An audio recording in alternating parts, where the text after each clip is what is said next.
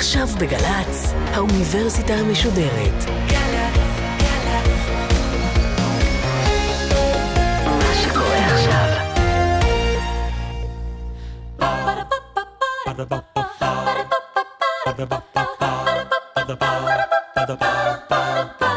האוניברסיטה המשודרת בשיתוף מיזם וויז מציגה המדען העירום מיטב החוקרים בישראל בשיחה עם בן שני, אחד על אחד, מול קהל. והפעם שיחה נוספת עם הפרופסור נועם סובל מהמחלקה לנוירוביולוגיה במכון ויצמן למדע על מסתרי חוש הריח האנושי. עורכת ראשית, מאיה גאייר.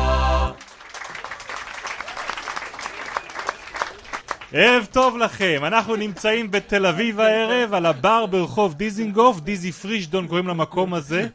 הרבה הרבה ריחות מסביבנו. זה אזור נפלא לדבר בו על תחום המחקר של האורח שלנו פרופסור נועם סובל מומחה לנוירוביולוגיה במכון ויצמן. המחקר שלך עוסק בקשר שבין המוח לריח. בחלק הראשון של המפגש ששידרנו בשבוע שעבר הסברת מה זה למעשה ריח מה התהליך הכימי שגורם לאובייקט לשגר אלינו ריח והסברת גם איך הקולטנים שבאף האנושי מעבירים את האינפורמציה הזו למוח. הערב אנחנו רוצים לדבר על היישומים שיש למחקר בתחום הריח והאופן שבו המוח קולט אותו. מה אתם מצליחים לעשות היום במעבדה עם הנתונים שאתם אוספים על האופן שבו המוח שלנו מקטלג ומתייחס לריחות. פרופסור נועם סובל, אתה באמת הקמת רשת חברתית של ריחות? כן. זה האני המלכותי, כלומר זה לא אני, זה המעבדה אה, שלי שאנחנו עובדים ביחד והכל עושים ביחד, והמעבדה שלנו כן הקימה... מה, וזה במקום אה, להחליף תמונות פרופיל, מחליפים שם פרופילים אחרים? כן, מחליפים פרופילים של ריח. כן. האם אני אוהב טרפנטין, או אני אוהבת אה, וניל, או שמרים, כן? פחות או יותר. אז, אז דיברנו שבוע שעבר על זה שלסך הכל אנשים די דומים בחוש ריח שלהם, אבל עם כל זאת, אם אנחנו מייצרים תיאור מאוד מאוד מדויק ורגיש של חוש הריח שלך, אז אני אזהה את חוש הריח שלך שהוא מיוחד רק לך. צריך מבחן מאוד מאוד רגיש בשביל זה, אבל פיתחנו את המבחן הזה, מבחן ריחות מאוד מאוד רגיש, והוא מאפשר לנו לאפיין את חוש הריח שלך, טביעת האצבע שלך בחוש הריח. אחרי שעשינו את זה, שאלנו את עצמנו, אוקיי, מה זה אומר עליך? מלבד זה שאנחנו יודעים לזהות אותך. אנחנו יודעים לייצר מיליארדים של טביעות אצבע כאלה, ויודעים לזהות אנשים, אבל מה זה אומר עליהם, מלבד זה שזה מזהה אותם? אז באותו מאמר שבו פרסמנו את השיטה הזו, מאמר שהתפרסם בכתב העת PNAS לפני כחצי שנה, בדקנו הנחה או היפותזה שמלבד זה שטביעת האצבע של חוש הריח שלך תזהה אותך, היא גם תגיד משהו על המערכת החיסונית שלך. למה? אותם גנים שמאפננים חלקים מרכזיים במערכת החיסונית שלך, למעשה אותם גנים שבודקים, כשבודקים התאמה לשם תרומת מוח עצם, אז אותם גנים אחוזים בגנום, בגנים של, של קולטני הריח. אז אנחנו שאם אנחנו יודעים לאפיין את חוש הריח שלך בצורה מאוד מאוד מדויקת, אנחנו גם יודעים לאפיין דרך זה את המערכת החיסונית שלך. בצורה מאוד מאוד מדויקת. זה הולך לכיוון שאני חושב שזה הולך אליו? כן. שאני אגיד אם אני אוהב ריח של בננה ואתה תדע אם אני מתאים לתרומת אה, כליה למועמד הזה והזה? בול.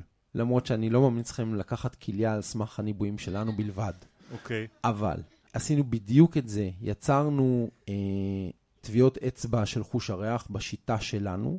וגם אה, אספנו חומר גנטי מקבוצה מאוד גדולה של נבדקים, ובדקנו אם טביעת אצבע חוש הריח מאפשרת לנו לנבאות התאמה גנטית כמו זו שמשתמשים בה לתרומת מוח עצם. כן. אנחנו יודעים לנבאות את זה לא רע. מה זה אומר לא רע? אם אנחנו משתמשים ברף סטטיסטי שבו אנחנו לא מוכנים שתהיה לנו טעות, ברף הזה עדיין הבדיקה שלנו תאפשר לך לנפות 25% מהבדיקות, או באופן יותר חשוב, לא לבצע אותן. כלומר, נניח שאתה מחפש בדיקת התאמת מוח עצם, אתה יכול קודם כל לעשות את הבדיקת התאמת ריח שלנו, ועל סמך זה אני יכול להגיד לך, שמע, 25% מהאנשים, אל תבדוק בכלל. חבל מתבצ... לך על הזמן, הם רחוקים מדי. איך מתבצעת בדיקת ריח כזאת?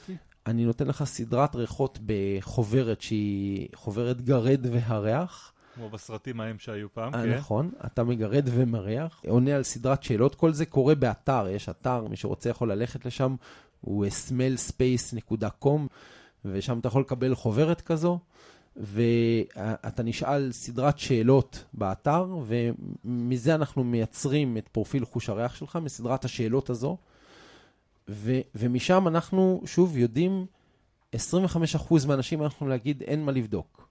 חסכת 25% מהבדיקות. באפס סיכון. אם אתה מוכן לקחת גם סיכון, וסיכון פה זה נניח לפספס מישהו שהיה מתאים, או, או לזהות מישהו שלא היה מתאים, אז הרבה יותר. אבל אם אתה רוצה באפס סיכון, 25% מהבדיקות אני בודק. אז ברור התועלת הכלכלית של דבר כזה. פוטנציאלית, למרות ש... טוב, זה, זה דיון אחר, אולי okay. אוקיי. נלך לזה אחר כך. אבל, אבל מבחינתנו, מה ש, שחשוב בזה, שזה מראה שטביעת אצבע חוש הריח שלך אומרת עליך דברים מעבר רק לאיך אתה מריח את העולם. היא אומרת לך דברים מהותיים על איך אתה בנוי, על, על, על, על המבנה הבסיסי ביותר שלך. ו, ואם זה באמת, אנחנו שאלנו, אוקיי, מה עוד זה אומר עליך? דבר אחר שבדקנו, זה, והיה לזה סיבה מדעית לחשוב שזה נכון, יכול להיות, זה בדקנו אם טביעת אצבע חוש הריח יכולה להגיד לנו משהו על התאמה זוגית, התאמה רומנטית בין אנשים. אם זה יתפוס או לא יתפוס. כן. אוקיי. ועשינו שוב קבוצה מאוד מאוד אה, גדולה של, אה, של זוגות, שעברו מבדקים אצל אותה פסיכולוגית ו- וקיבלו איזשהו ציון דירוג של איכות הקשר, אה, וגם עשינו להם את טביעת האצבע של חוש הריח. ופה התוצאות שלנו הן קצת הזויות בעד כמה הן טובות. מה זה אומר? זה אומר שאנחנו יודעים לנבאות ממש ממש טוב מי קשר יסתדר רומנטי. ומי לא יסתדר. כן. כמה שנים אחרי זה אתם חוזרים לזוגות לבדוק? אז זה את אני עוד לא יודע להגיד לך, ו- ומה שאני כן יודע, זאת אומרת, זה, זה מצחיק. אחד הדברים הנחמדים בלהיות מדען באופן כללי, זה שאתה לפעמים, או הרבה פעמים יכול ללכת וללמוד כל מיני דברים אחרים, חדשים. אז, אז מצאתי את עצמי לומד את הספרות הזו של, של אה, זוגיות. אוקיי. דברים ש, ש, שלא חשבתי שבלימודי הביולוגיה שאני אוקיי. אני אה, אלמד. ומסתבר, א' כל, שאיכות קשר ואריכות ימיו הם ממש לא אותו דבר. אוקיי? ומה שאנחנו יודעים לנבאות זה איכות קשר. אוקיי, זה לא פחות חשוב, כן? נכון, אבל, אבל אני רק מציין את זה. כלומר, יש, יש, אה, יש אנשים שיכול להיות להם אחלה איכות קשר והם ייפרדו. אוקיי. יש אנשים שיכולים להחליט למרר זה לזה את החיים למשך 100 שנה. אבל תמיד אז- יזכרו אז- את אז אה, הקישור- זו או את זאת שהיה להם איכות קשר טובה, כן? הקישור בין איכות קשר לאריכות קשר הוא מורכב. עם כל זאת, אנחנו מנבאים טוב איכות קשר, ואנחנו מנבאים את זה ממש טוב. אה, יותר טוב מכל מדד אחר שפורסם עד היום, אה, והמאמר שלנו על זה יוצא בקרוב. טוב, זה, זה מחקר ששווה לחכות לו, אבל מה זה אומר על המושג שאנחנו משתמשים בו, יש כימיה בינינו? אני חושב שבדיוק את זה אנחנו תופסים. כי הרי יש המון ספרות על הריח גוף עצמו, כלומר, על המשיכה לריח גוף מסוים בין בני זוג, אבל זה לא מה שאנחנו עושים, אנחנו לא משווים העדפת ריח גוף, אנחנו מסתכלים על העדפות ריח. כלומר, מה שאנחנו רואים זה שאנשים שמריחים את העולם באופן דומה, טוב להם ביחד. לא, אוהבים תחנות דלק, כמו שאמרה פה גברת נכון, הפעם בדיוק. הקודמת. אם את אז- אוהבת תחנת דלק, תמצאי מישהו שאוהב תחנות דלק, זו ערובה לקשר טוב. אבל אתה, אתה גם מדבר על העובדה שאנחנו באמת מרחרחים אחד את השני, ולא רק בשלב ההיכרות, כמו שאמרת בעבר, אלא גם כן כדי לתקשר אחד עם השני. נכון, אנחנו, אנחנו עושים את זה כמו כל בעלי החיים, אה, ובמיוחד כל היונקים. עכשיו, ביונקים אה, יש אפקטים ממש דרמטיים שמטווחים על ידי חוש הריח. אה, אני אספר על כמה, לפחות על שניים, אחד שברור לי שיניב פה מבול שאלות, ברגע שאני אגיד להם גם מה שאנחנו עובדים עליו, אבל, אבל אני מספר עליו כי הוא, הוא ממחיש עד כמה זה יכול להיות דרמטי. אז למשל אפקט אחד שנקרא אפקט ברוס, על שם מרגרט ברוס, המדענית שגילתה אותו בשנות ה-60 באנגליה, הוא שאם אתה לוקח אה, אה, מכרסמת אה, בהיריון, בשלב מוקדם וקריטי של ההיריון, עכברה, חולדה, זה הורג גם בעוד חיות כבר, וחושף אותה לריח של הזכר הלא מעבר, כלומר, לא האבא, במילים פשוטות, 60% מהחשיפות היא תפיל. אין אפקטים כאלה בביולוגיה. 60 אחוז זה דרך אחרת להגיד תמיד. אין דברים שקורים 60 אחוז, אוקיי? אז זה אפקט סופר רובסטי. עכשיו, אנחנו יודעים שזה אפקט של ריח, כי אם אתה צורב לה, פוגם לה, בתת מנגנון מאוד ספציפי בחוש הריח, האפקט נעלם. אבל אני רוצה להבין, מה זאת אומרת חושף אותה לריח של הזכר הלא מעבר? אתה לוקח שתן... מסתובבות נשים בהיריון עם הרבה זכרים שלא מעברים אותם בסביבה. אתה מדבר על בני אדם עכשיו. כן. בסדר, נכון, אני כרגע מדבר לא? על... אה, לא, לא, עכברים חיים במחילות בטבע, והם הם, אה, לא, לא חיים בחשיפה כזו. ו, ולמעשה אתה נוגע במה שנחשב ההסבר האבולוציוני לברוס אפקט. למרות שהסברים אבולוציוניים אתה תמיד יכול להמציא בשקל, כן? אבל ההסבר האבולוציוני פה הוא שאם יש חשיפה לזכר אחר, סימן שיש גבר יותר חזק בשכונה, שכבר העיף את הגבר שממנו אה, יש את ההיריון, אז אם זה לך. שלב מוקדם, עדיף כבר לעבור לזה, כי הוא יותר שווה. וזה הברוס אפקט, ו- ואנחנו מסתכלים שוב על האפשרות של מקבילה אנושית אה, לברוס אפקט.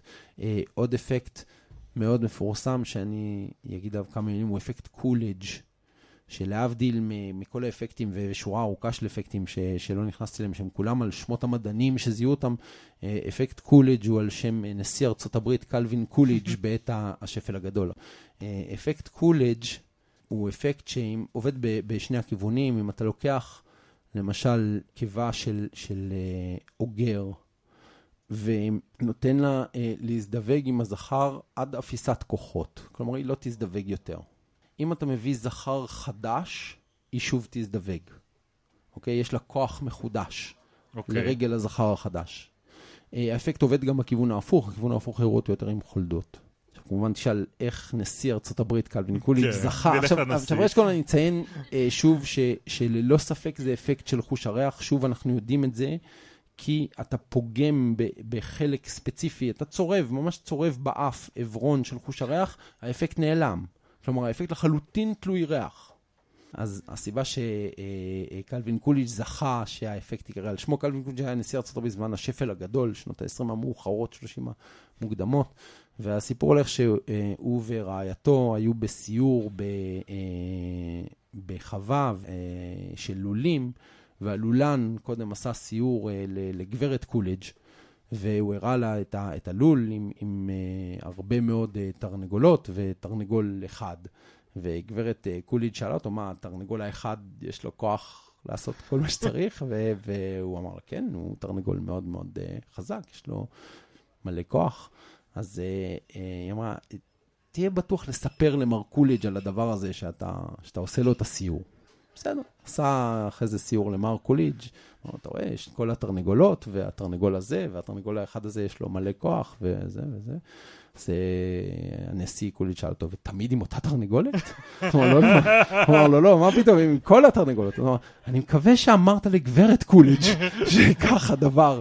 אה, אז, מכאן, אה, מהסיפור הזה, מגיע אה, השם של אפקט קולידג'. אבל, אבל לענייננו, הנקודה החשובה היא שהאפקט הוא, הוא לחלוטין תלוי חוש ריח, אה, ו- והאפקטים האלה של חוש הריח על התנהגות בכלל והתנהגות רווייתית בפרט ביונקים, הם לחלוטין אה, כוללניים בעולם ההתנהגות היונקית, ו- ולדעתנו, במעדה שלנו, גם בבני אדם, אנחנו משקיעים בזה הרבה מאמצים. יש עוד צרכי תקשורת שבהם אנחנו משתמשים בריח? מקומות נוספים ש, שאנחנו מסתכלים עליהם הם, הם דברים כמו דומיננטיות חברתית, אה, ש, שאנחנו חושבים שיש לה ריח. אוקיי. ולשאלתך, אה, אה, תחום שהוא קצת טעם החודש ב, בעולם המחקרי הזה בשלוש-ארבע שנים האחרונות, זה דבר שנקרא ריח הפחד. יש הנחה כזו תרבותית שלפחד יש ריח, והרבה קבוצות ואנחנו מסתכלים על זה, כאשר הניסויים האלה באופן אה, אופייני, מה שקורה בהם זה שאוספים זיעה מאנשים במצב של פחד. אה, אני מאוד אוהב את המודל שלנו לניסוי הזה, אנחנו זורקים אנשים ממטוסים. תסביר, תסביר מהר. אנחנו משתפים פעולה עם uh, מרכז הצניחה בחוף דור. משעתיים קודם, שזה עוד יותר מפחיד, אנשים מחכים שם להמריא, ואנחנו מדביקים להם אוספי זיעה, ואוספים מהם זיעה uh, לפני ואחרי שהם נזרקו ממטוס, ואין דבר מפחיד מזה. ואנחנו אוספים את הזיעה הזו, אנחנו אחרי זה משתמשים בה בניסויים התנהגותיים, שאנחנו חושפים אנשים לזיעה הזו ו- ורואים מה היא עושה להם התנהגותית. אנחנו משתמשים בזה הזו בניסויי הדמיה מוחית, או דימות מוחי ליתר דיוק, דבר שלא דיברנו עליו, אבל אנחנו משקיעים בו המון במעבדה שלנו. אה, שיטה שמאפשרת לנו למדוד רמות פעילות מוחית בבן אדם מתנהג, ואנחנו מסתכלים על תגובת המוח לריחות האלה, אה, ומנסים להבין אם ומה זה עושה לנו.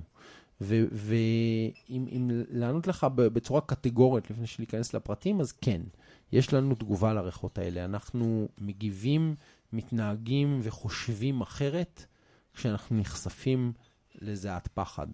אצל אובייקט, אצל מישהו ש, שנמצא מולנו. אה, אני מניח, כן, אצלנו בניסויים אתה אפילו לא יודע שזה מה שאתה מריח. אנחנו בניסויים חושפים אותך לריח שאתה לא יודע מאיפה הוא מגיע ומה הוא מכיל ו- ושום דבר.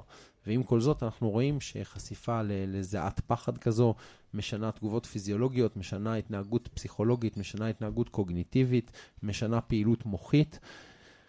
ויש לה, יש בה אינפורמציה. עכשיו, יתרה מזו, אנחנו הולכים איזה צעד הלאה, ואולי פה אני, זה יוביל אותנו למקומות אחרים, בגלל שתפיסת העולם שלנו היא שתקשורת כימית היא חלק כל כך מרכזי וחשוב בהתנהגות היומיומית שלנו ובתקשורת שלנו זה עם זה, למרות שאנחנו לחלוטין לא מודעים לזה, אבל, אבל היא חלק מרכזי בתקשורת שלנו, אז כמובן שאנחנו מניחים שתהיה משמעות לא טריוויאלית לזה שהמנגנונים האלה ייפגעו.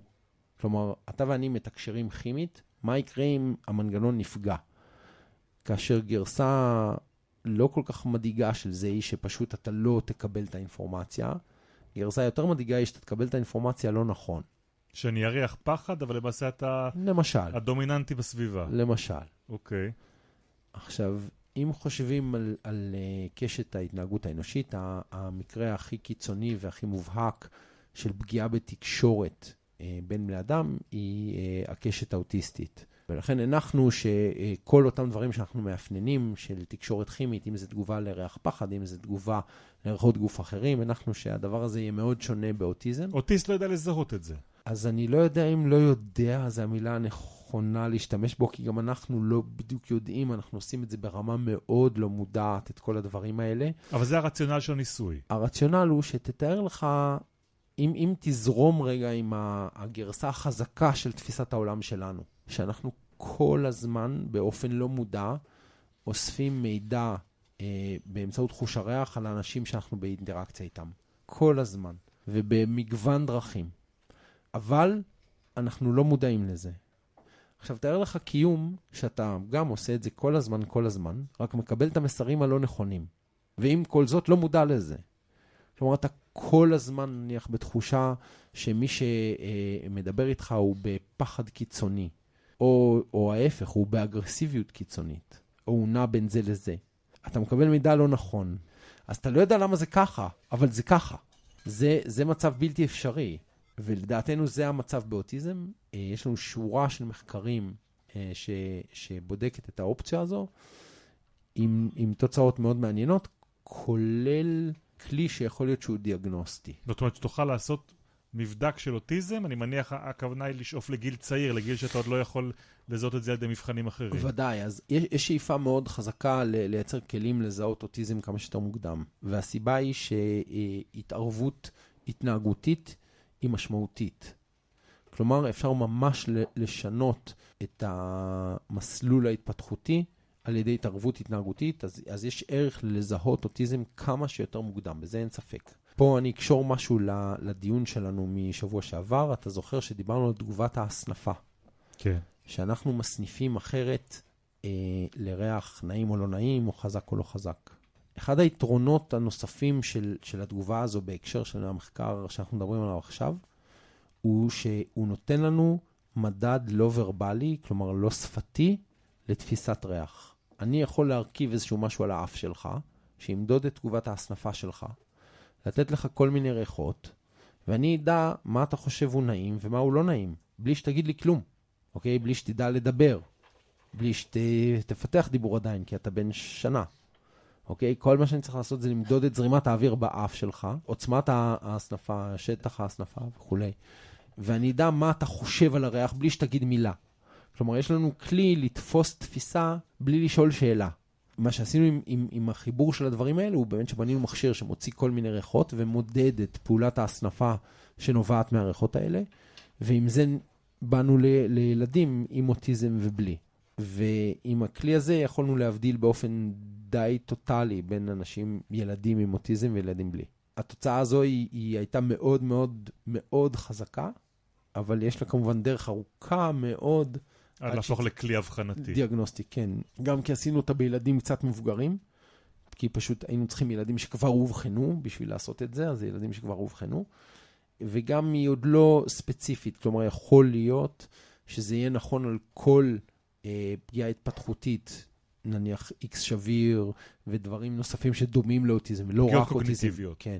אבל התוצאה בילדים שבדקנו היא מאוד מאוד מאוד חזקה, ואנחנו עכשיו זזים, כאילו מתקדמים הלאה להסתכל על תינוקות הרבה הרבה יותר צעירים, אה, לראות אם הדבר הזה הוא יכול לתת לנו כלי אה, אה, דיאגנוסטי לאוטיזם, ואנחנו מקווים שהוא הוא, הוא יהפך לכלי שייתן אינפורמציה בעלת משמעות. אז אם אתה מדבר על כלים, אפשר לייצר אף מלאכותי?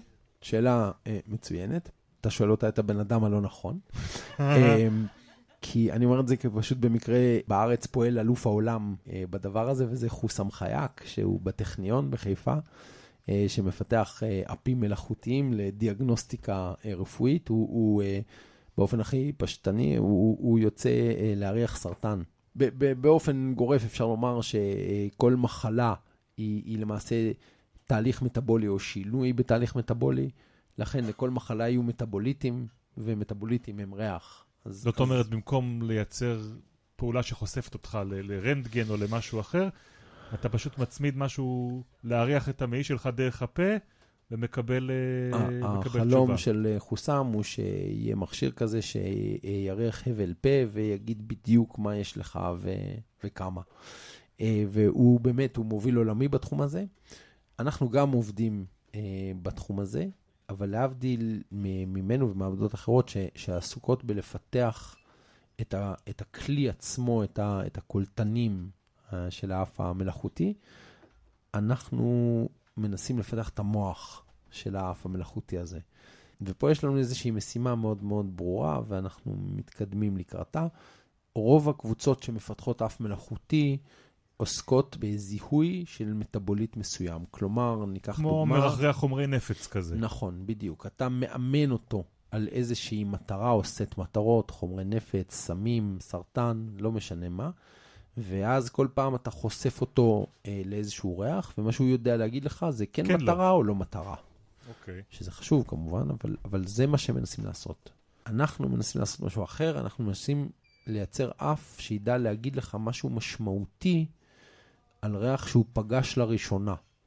כלומר, להגיד לך למשל, זה נעים או לא נעים, או זה אכיל או לא אכיל, או זה מריח לי כמו הבית של סבתא שלי לפני שנתיים או לא. כלומר, ממש אה, אה, אף שידע להגיד דברים על ריח שהוא פוגש לראשונה, לא על משהו שהוא אומן עליו. כמו האף שלך, שאם תחשוב על זה, זה, אחד הדברים המדהימים באף שלנו. כי אנחנו יכולים להריח ריח פעם ראשונה בחיים, שלא יכולים להיות מבוגרים, כבר מפותחים לחלוטין. לא הרחנו את זה אף פעם, אנחנו חיים 50 שנה, לא הרחנו את זה אף פעם. ניתקל בריח לראשונה, ונדע להגיד עליו משהו. זה מדהים.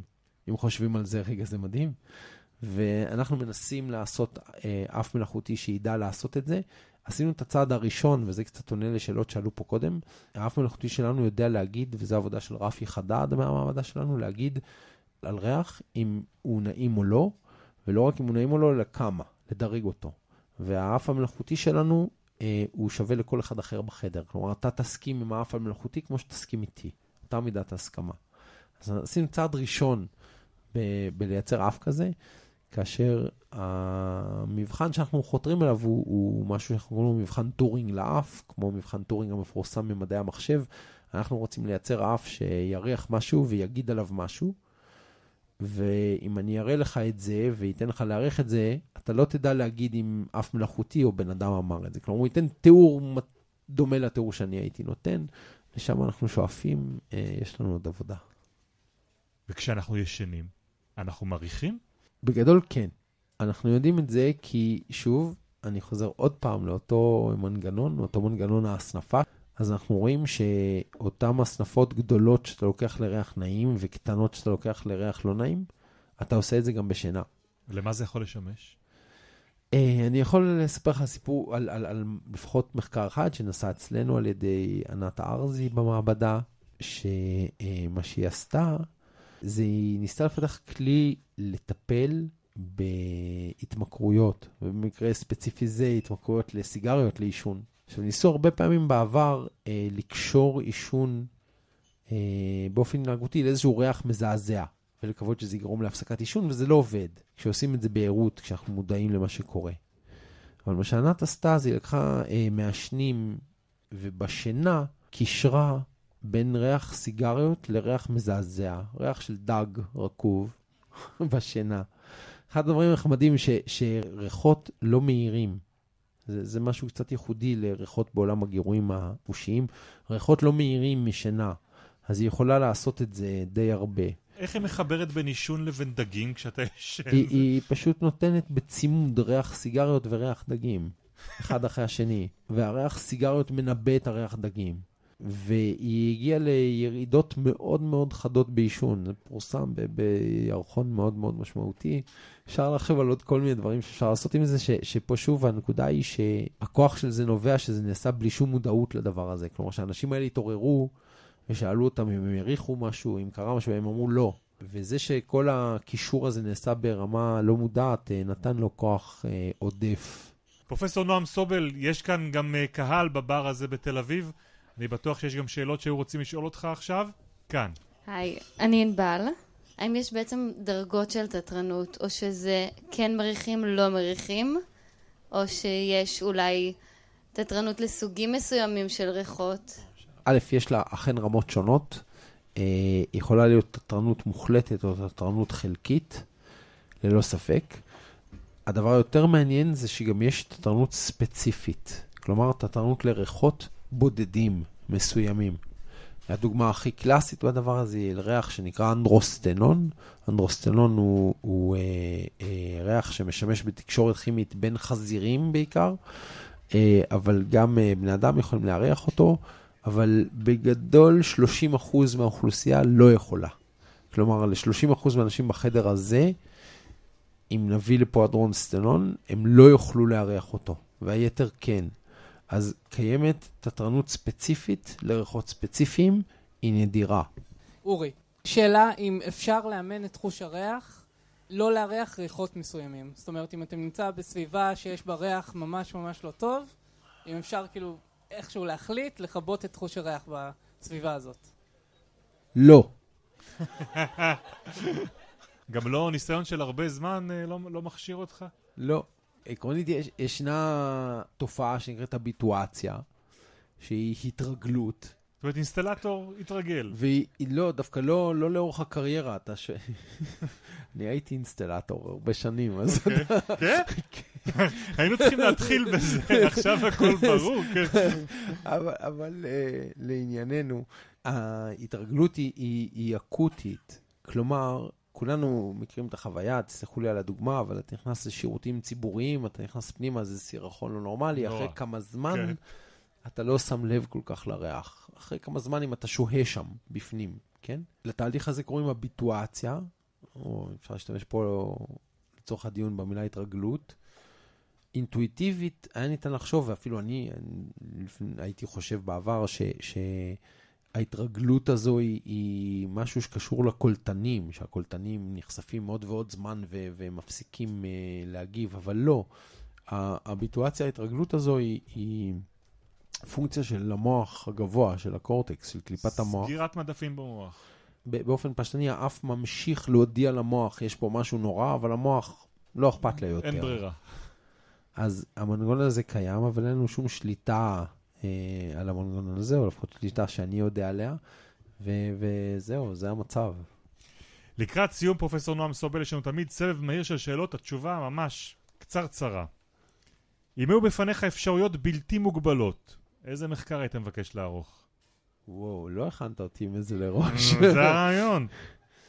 אם, אם היו בפני אפשרויות בלתי מוגבלות, הייתי רוצה אפשרות לחקור הפלות אה, ספונטניות בבני אדם אה, בצורה שהייתי יכול אה, לעשות דברים שמבחינה אתית אה, אני לא יכול ולא רוצה לעשות. אבל אם היית מתאר לי עולם שאין השלכות אתיות, אז הייתי רוצה דיברת לעשות. על הקשר הזה בין, בין ריחות ובין הפלות, ב- מה שמוצאים כן. אצל עכברים, הייתי רוצה לראות אם יכול. לגרום להפלות, כן. טוב מאוד שיש גם. אתיקה, אני כן. לא- מה הריח שאתה הכי אוהב? העוגת אפרסקים של אמא שלי. מה זיכרון הריח הכי רע שלך? אה, לא יודע, אני לא רוצה ללכלך על הילדים שלי, אז אני לא, אני לא, אני לא רוצה לענות. פרופסור נועם סובל, תודה רבה רבה לך על הערב הזה, על הביצוע הטכני בין קטן ובין יהודאי. תודה נוספת לאחינועם קפון שעוזרת לנו הערב ולליאור סנבטו, לשותפים שלנו במיזם וויז, תעקבו אחריהם ואחרינו בפייסבוק, ועד הפעם הבאה, לילה טוב.